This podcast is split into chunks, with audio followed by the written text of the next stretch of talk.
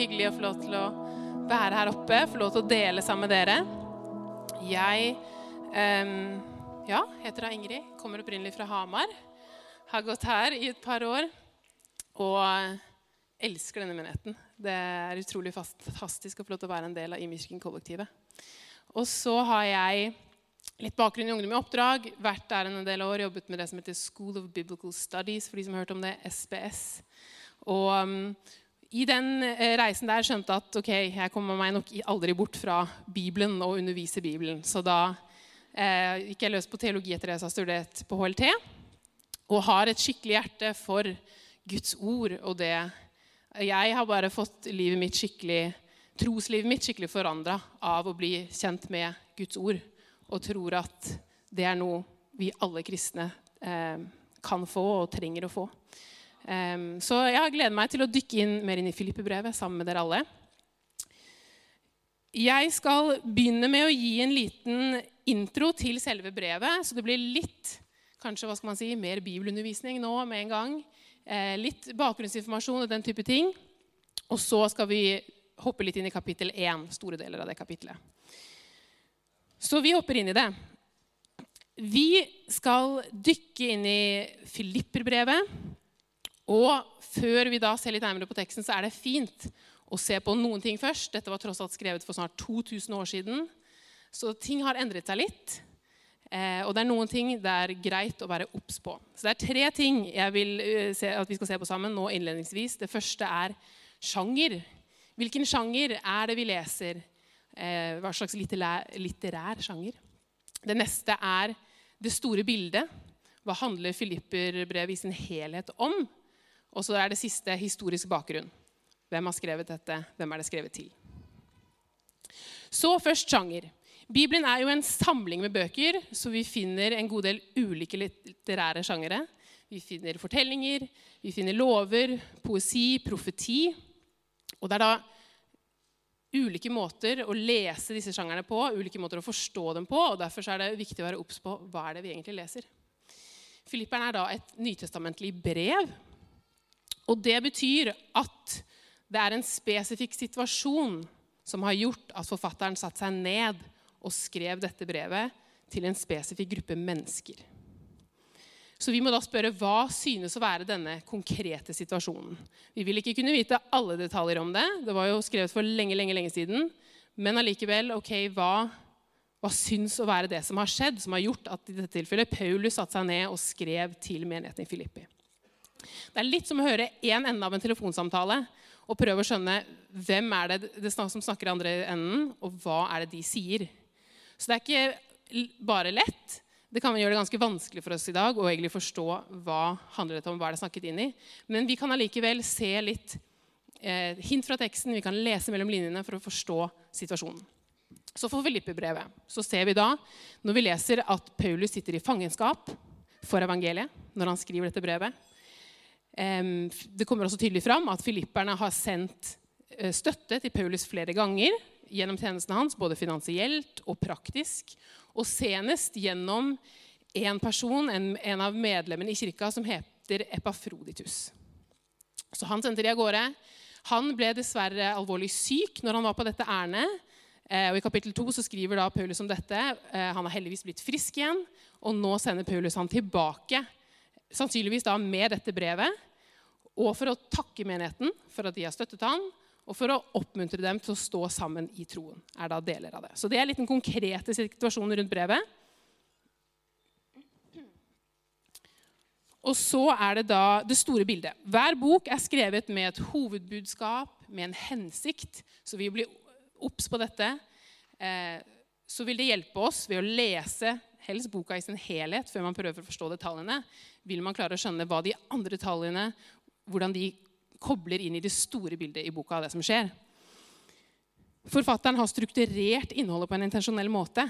Og ved å bli obs på dette så vil det være lettere for oss å forstå hovedinnholdet i boka. Så Viktige temaer i Filippe-brevet det er glede. Det repeteres mye. Samhold og enhet. Og også ydmykhet er noe av det som går mye igjen. Paulus setter veldig fokus på tankesett, den kristnes holdning. Og det, sinnelag er et ord som brukes en del. Hva slags sinnelag er det vi skal ha som kristne? Og så er det noen vers som står veldig sentralt i brevet, og som egentlig alt kobles inn i på en eller annen måte.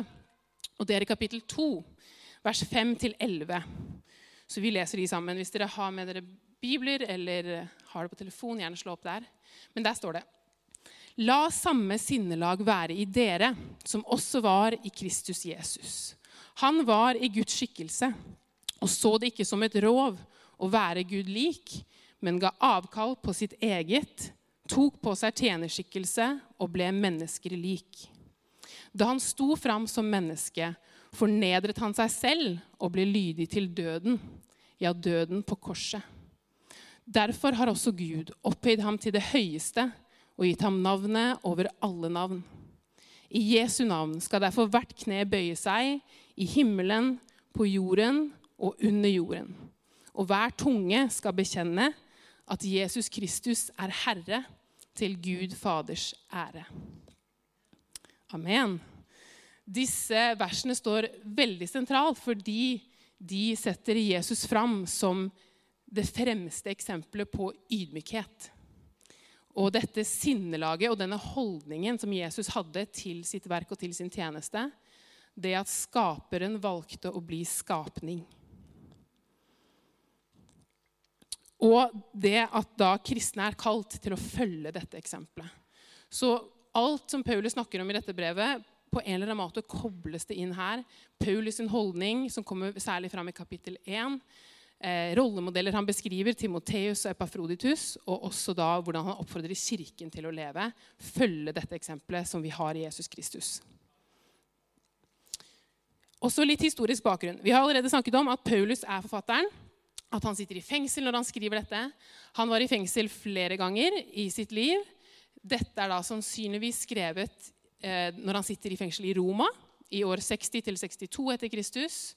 Så det er der apostelens gjerninger ender, med at han ankommer dit som fange, og så blir han satt i en form for en husarrest, så en litt mildere fengselsstraff, mens han da venter på at saken sin skal bli hørt foran keiseren av Romerriket.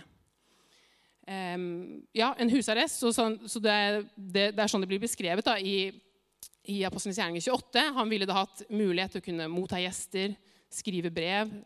Timoteus blir også navngitt som forfatter, så det er mulig da for Timoteus å også være det, selv om han, han ikke sitter i fengsel. Paulus er jo en av de viktigste lederne i den tidlige kristne kirken. Han dro på mange misjonsreiser, etablerte mange kirker omkring i Romerriket, bl.a. da denne menigheten i Filippi. Så Det kan vi lese om i Apostelens gjerninger kapittel 16. Der beskrives det når han kommer dit, og når han etablerer denne menigheten. Så det er da grunnleggeren for kirken, det er den spirituelle far og rollemodell som sender dette brevet til menigheten mens han da sitter i fengsel for kirken deres felles tro. Eh, og det er der disse ordene kommer fra. Byen Filippi det, den lå i det som er dagens Hellas, helt nord i dagens Hellas. Det var en romersk koloni. Så det betydde at lojalitet til Roma, til keiseren, sto veldig sterkt. Det var kjempeviktig. Så da er det ikke veldig populært å plutselig begynne å sverge lojalitet til en annen konge. Eh, da skiller man seg brått veldig ut. Eh, byen var stort sett hedninger. Det er veldig få jøder der. Så det at de ikke vil tilbe andre guder, og det at de også ikke vil tilbe keiseren, som var en stor, vanlig praksis eh, på denne tiden, og særlig da i denne romerske kolonien, det ville gjort dem veldig upopulære og annerledes. Eh, og mest sannsynlig ført til forfølgelse. Kirken er sannsynligvis ca. ti år gammel, hvis det stemmer at Paulus skriver fra Roma. Så den er ikke gammel, og det er, ikke heller, det er, altså, det er ikke en nyplantning av en kirke. Folk som har kjent troen lenge. Altså, de er ti år gamle kristne, hele gjengen. De ble frelst da Paulus kom dit. Stort sett hedninger som sant, har kjent til evangeliet og kjent til Kristus i ca. ti år. Ok. Det er bakgrunnen for filipperne. Det setter litt scenen. Det er Paulus sitter i fengsel for evangeliet. Han skriver til en menighet han har etablert som han takker for deres støtte, og som han oppmuntrer til å stå sammen og til å leve et liv som ligner Kristus. Det er liksom helheten av det som går igjen. Og så er det masse, masse gode one-liners, som Lars Kristian sa. eller Vi snakka om det i Huskirka. Masse, masse bra tatoveringspotensial fra dette brevet her. Um, men det er, eh, ja, det er utrolig mye bra, og det er et nydelig brev. Vi skal dykke litt inn i kapittel 1, eh, og jeg bare ber en bønn før vi gjør det. Himmelske Far, jeg takker deg for at du er midt iblant oss. Jeg takker deg for ditt ord, som du har gitt til oss, som du har bevart gjennom tusenvis av år, sånn at vi har det tilgjengelig for oss i dag. Jeg takker deg for at det drar oss nærmere deg og gjør oss bedre kjent med deg. Må du åpne våre hjerter, våre ører til det du har for oss. Ehm, ja, må vi lære deg bedre å kjenne gjennom disse ordene. I Jesu navn. Amen. Det man ser ganske fort når man begynner å lese Filipperne, det er at det er et veldig varmt og personlig og kjærlig brev. Det er kanskje et av eh, Paulus sitt varmeste brev. Det er ikke alltid han er like hyggelig og varm å ha med å gjøre, men her er han tydeligvis i veldig godt humør. Og det er tydelig, man ser det veldig fort, at eh, kirken og Paulus de betyr mye for hverandre. Koinonia er et gresk ord som repeteres flere ganger. Det er kanskje noen flere som har hørt Det før. Det oversettes til fellesskap eller samfunn. Og det går igjen flere ganger. Han sier ganske tidlig her i vers 5 at dere har hatt På norsk så blir det oversatt til dere har hatt del med meg i evangeliet. Men der brukes av det ordet koinonia. Dere har hatt fellesskap eller samfunn med meg i evangeliet. Helt fra begynnelsen har dere hatt det, sier han. Så han virkelig ser på dem som partnere i dette arbeidet han driver med, den tjenesten han står i for evangeliet. Og nå sitter han jo da i fengsel. Hvis vi eh, går til kapittel 16 i Apostelens gjerninger Vi skal ikke lese mye der, men de fleste av dere er nok kjent med den fortellingen. Eh, for det som skjer når Paulus er i Filippi, det er at han blir satt i fengsel der også. Han eh, kaster en demon ut av, av, en jente, og så blir det opprør i byen rundt dette fordi de som eide henne, da ikke kunne lenger tjene penger. Og så dras de fram foran dommerne, og de blir pisket, han og Silas, og så blir de kastet i fengsel. Og så har du denne mirakuløse hendelsen med at de sitter der sent på natten og lovpriser og synger til Gud. Det kommer et jordskjelv, lenker faller av, dørene spretter opp.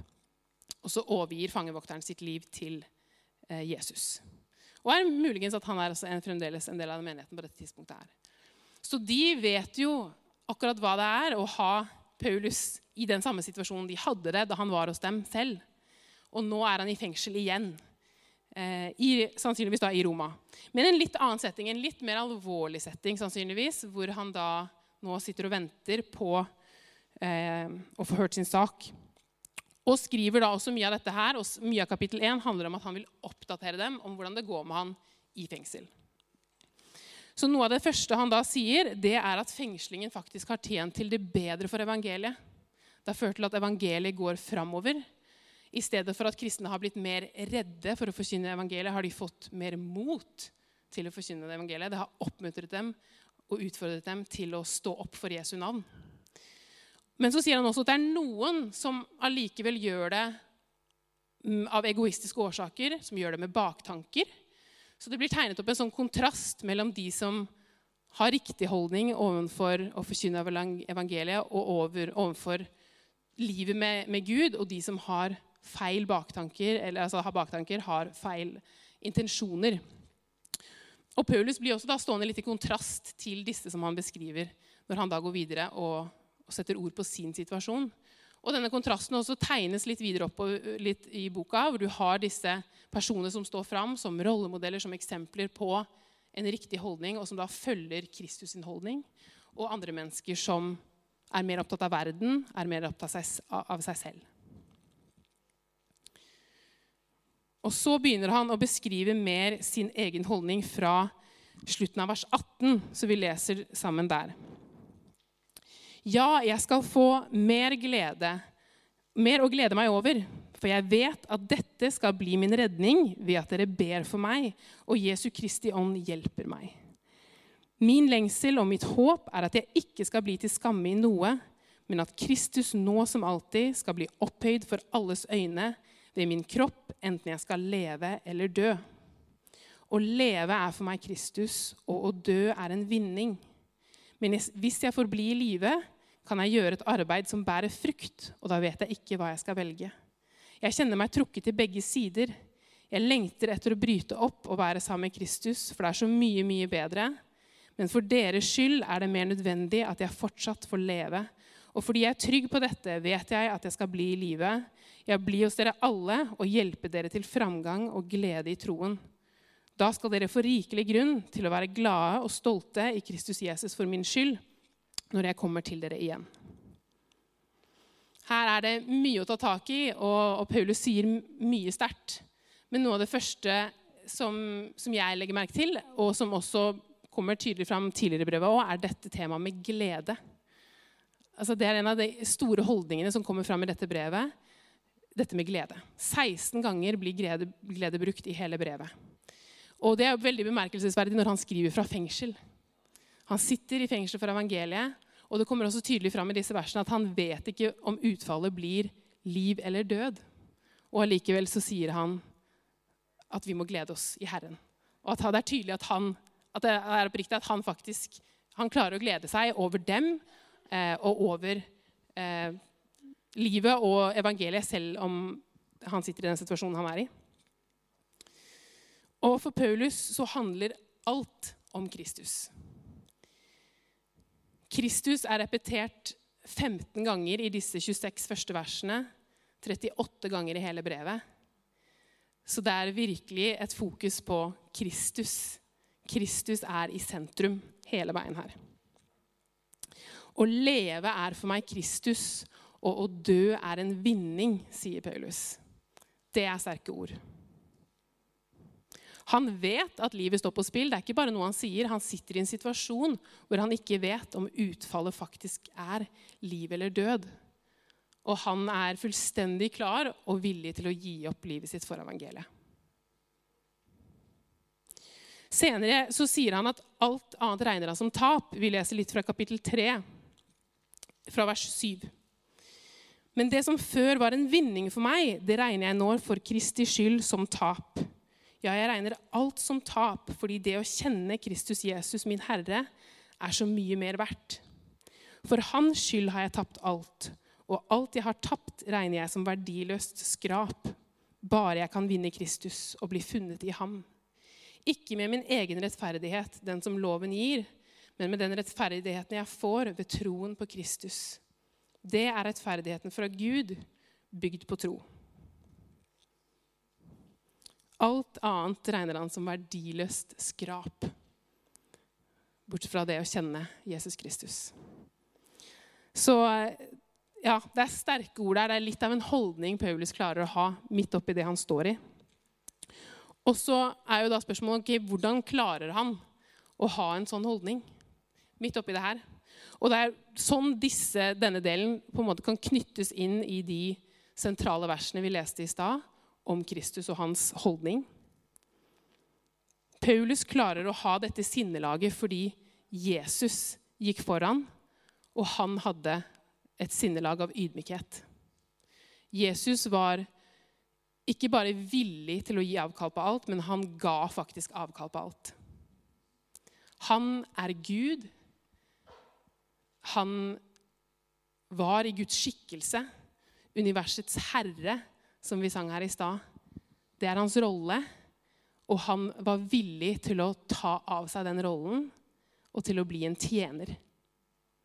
Han ble et menneske og han var villig til å gå hele veien og lide en forferdelig død. Det er det fremste eksempelet på ydmykhet.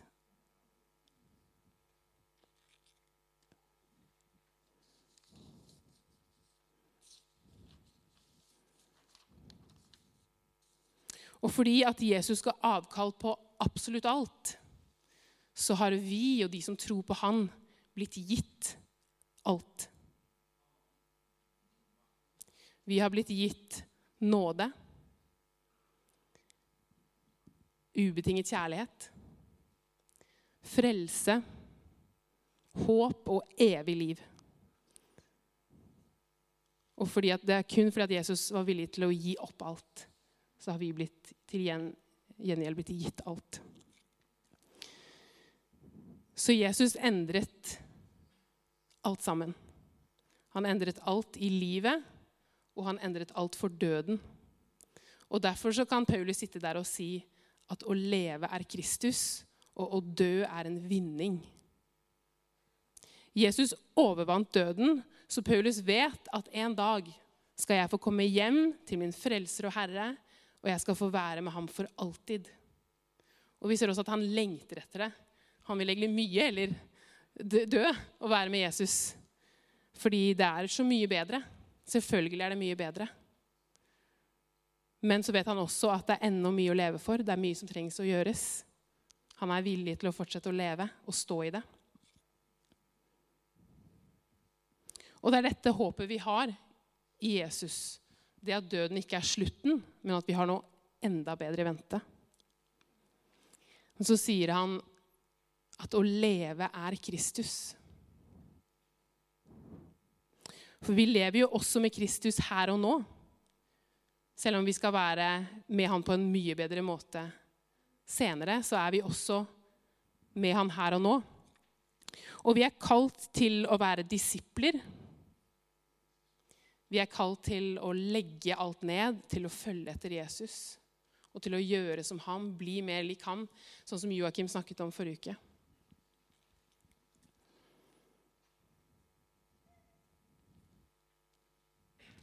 Og jeg tror at denne holdningen her, som, som Paulus virkelig beskriver, og som han klarer å ha, det er sentralt for at vi skal kunne klare å være disipler og for å legge alt ned og for å følge Jesus. Det handler ikke bare om å se til Jesus og praktisk hva han gjorde, sånn at vi praktisk skal gjøre det samme. Men her blir det tegnet et bilde av holdningen til Jesus og til sinnelaget hans, som ikke kommer så tydelig fram andre steder i Bibelen, men det, her, det setter Paulus virkelig fokus på her. At vi skal ha det samme sinnelaget som Jesus hadde, av ydmykhet og være villig til å gi alt opp. Fordi vi først har blitt gitt alt. Vi har allerede mottatt nåden. Vi har fått alt vi trenger. Så den eneste rette responsen er å gjøre det samme og gi avkall. Og det er det Paulus klarer her å gjøre.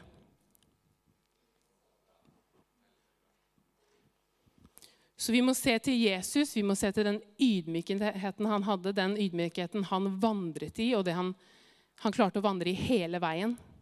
Helt til siste slutt helt til alt var fullbrakt.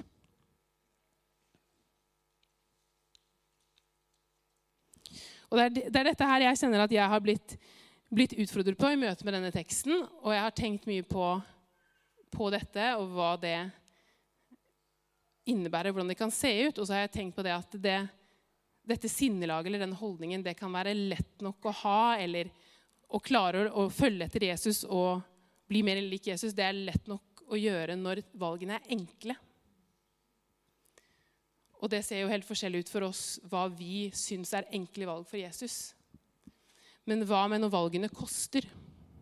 For det er jo nettopp det Paulus sitter oppi her. Han, altså, han er i en vanskelig situasjon hvor det virkelig koster å følge Jesus. Han sitter i fengsel, og han vet ikke om det vil ende i liv eller død.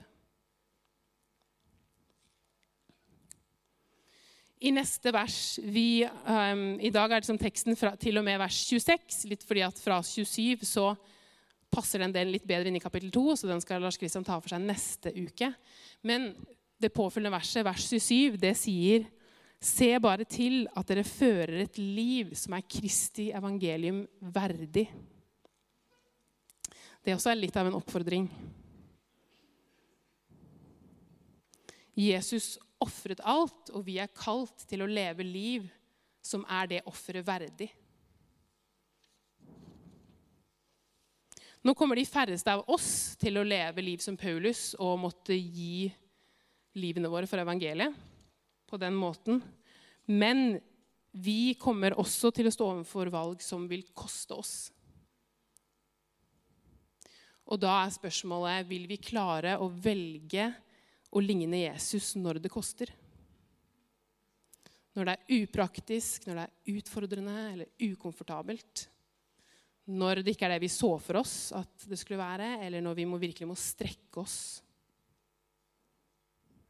Forrige uke så snakket Joakim så fint om Johannes 15, om å bli Jesus, om å bli mer lik Jesus. Og jeg satt her i radene og jeg tenkte åh, dette er bra saker. Og jeg tenkte dette glir rett inn i det Filippe-brevet handler om, og dette er skikkelig bra. Og så går det ikke lange tiden. Jeg var fremdeles i det rommet her, og så får jeg muligheten til å vise Guds kjærlighet for noen. Men så var det litt upraktisk. Det var, ja, det var, ikke, det var utfordrende å ta det valget. Det var ikke det jeg hadde sett for meg. Og da var det plutselig ikke så lett å bli lik, bli lik Jesus i det valget. Så da satte jeg meg selv først. Da valgte jeg heller det enklere valget for meg. Og Det er en ting som jeg sitter med, som jeg da måtte dvele litt ved denne uka her. Og det var, et, ja, det var ikke bare rett fram-valg, eh, men det var liksom det at jeg, jeg, prøvde ikke heller.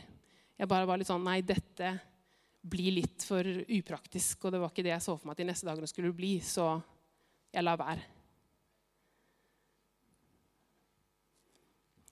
Og jeg tror eh, at vi ofte kan stå overfor noen sånne valg, og vi, hvis vi ikke klarer å ta det valget, så er det selvfølgelig det, det er full nåde, og det er, det er ingen fordømmelse. Men allikevel så blir vi utfordret til å ta disse valgene som, som, koster for Kristus og for evangeliet. Og det er ikke det at hvert valg skal koste så mye eller være upraktisk eller ukomfortabel, for det blir jo fort også veldig selvdestruktivt. Og det er ikke det det handler om. Men det er likevel hva er holdningen vår? Er vi villige til å gi når det koster?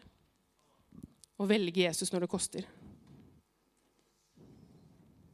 Hvem er det livene våre handler om? Handler det om oss selv, eller handler de om Kristus?